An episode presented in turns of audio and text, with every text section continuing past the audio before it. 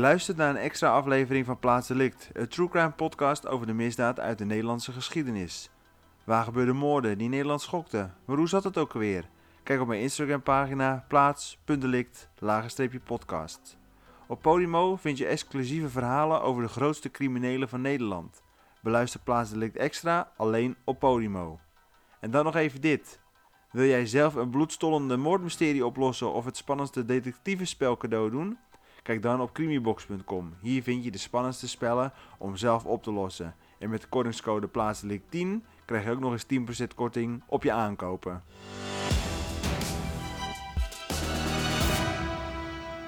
Het aantal mensen dat door geweld om het leven is gekomen is in 2023 gedaald.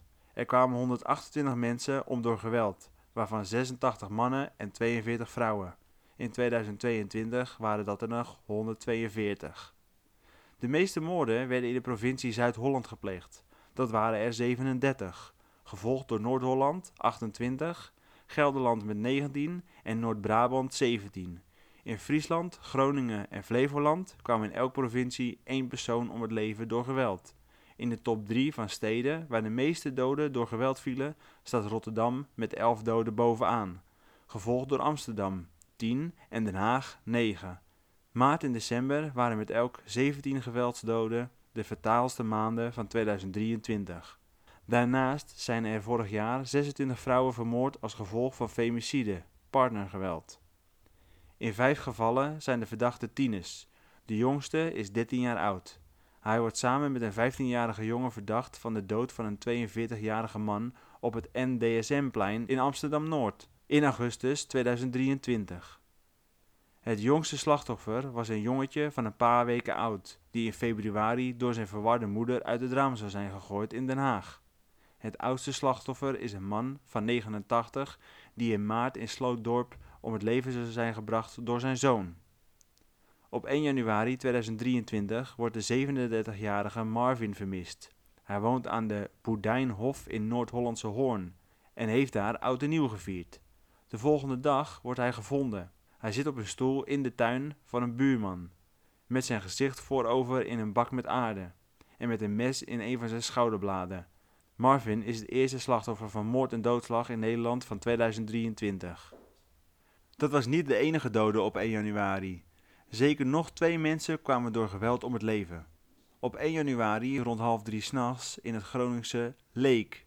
Een 42-jarige man was betrokken geweest bij een geweldincident op de Windsingel.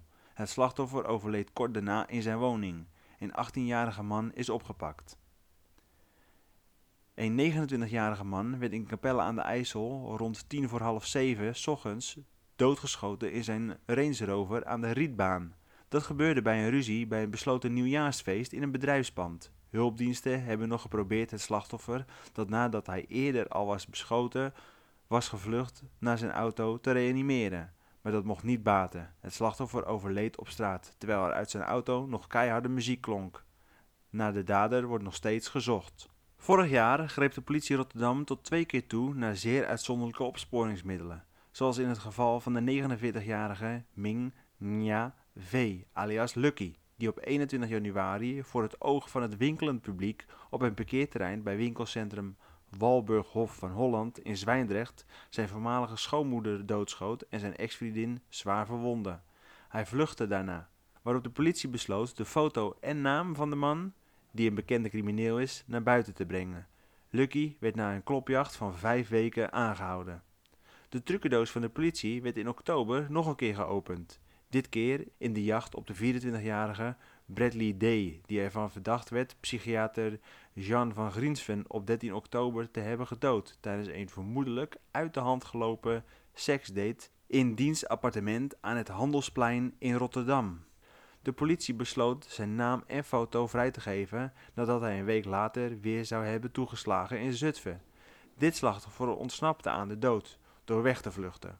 De man werd na een dagenlange zoektocht op een wc in een hotel in Amsterdam aangehouden.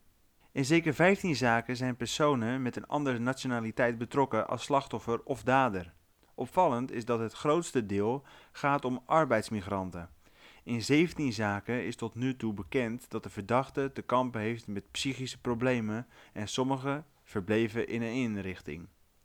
Een van de meest in het oog springende zaken is de moord op de 36-jarige Albert Heijn-medewerkster Antonetta Giocchia, die in de vroege ochtend van 20 juni uit het niets werd doodgestoken door de zwaar verwarde Jamel L. Deze man heeft een groot strafblad met geweldincidenten. In Curaçao werd hij veroordeeld tot TBS, maar kon geen behandeling krijgen omdat er geen TBS-kliniek is. Nederland weigerde zijn behandeling over te nemen. Het aantal liquidaties in de onderwereld is sterk afgenomen. Toch is een vuurwapen in een kwart van de zaken het moordwapen. Verontrustend vooral is het aantal mensen met een psychische stoornis dat moorden pleegt. Trend 1. Meer verwarde moordenaars. Fouad L. doodde vorig jaar twee van zijn buren en een docent. Hij is autistisch en dus was onmiddellijk de vraag: zijn autisten crimineler? Het antwoord: steeds vaker blijken moordenaars een stoornis in het autistische spectrum te hebben, zoals het officieel heet. Maar vrijwel altijd hebben autistische moordenaars ook andere stoornissen. Dus welke is dodelijk? Op 28 september 2023 om 11 minuten over 2 belt voor het L uit de Heiman Dullerstraat in Rotterdam-Delfshaven aan bij zijn buren op nummer 25. Marloes Timmers en haar kinderen, dochter Romy van 14, ze is de helft van een tweeling, doet open en schrikt als ze ziet wie er voor de deur staat. Ze probeert de deur weer te sluiten, maar vergeefs. Daarop rent ze de woning weer in en waarschuwt haar moeder en een vriendinnetje dat op bezoek is. Dat vriendinnetje verstopt zich onder tafel en ontkomt aan de kogels die het L afvoert. Marloes en Romy niet. Ze sterven ter plaatse. Niet veel later zien omwonenden de andere helft van de tweeling aankomen rennen, vertwijfeld en wanhopig. het L is dan al op weg naar het Erasmus Medisch Centrum. Niet omdat hij gewond is geraakt, hij studeert medicijnen en heeft er een rekening te vereffenen. Hij loopt rechtstreeks naar het klaslokaal waar de 43-jarige arts Jurgen Dame lesgeeft en schiet hem ook dood. Weer buiten wordt voor het L door het in de haast opgetrommelde arrestatieteam van de Rotterdamse politie in de boeien geslagen. Voor het L was gefrustreerd en autistisch. Hij heeft asperger. En leek arts Jurgen Dame niet verstandig om mensen als voor het L te laten oordelen over de gezondheid van anderen. En zijn buren moesten boeten omdat ze aangifte hadden gedaan wegens dierenmishandeling. Trend 2. Meer psychotenmoorden.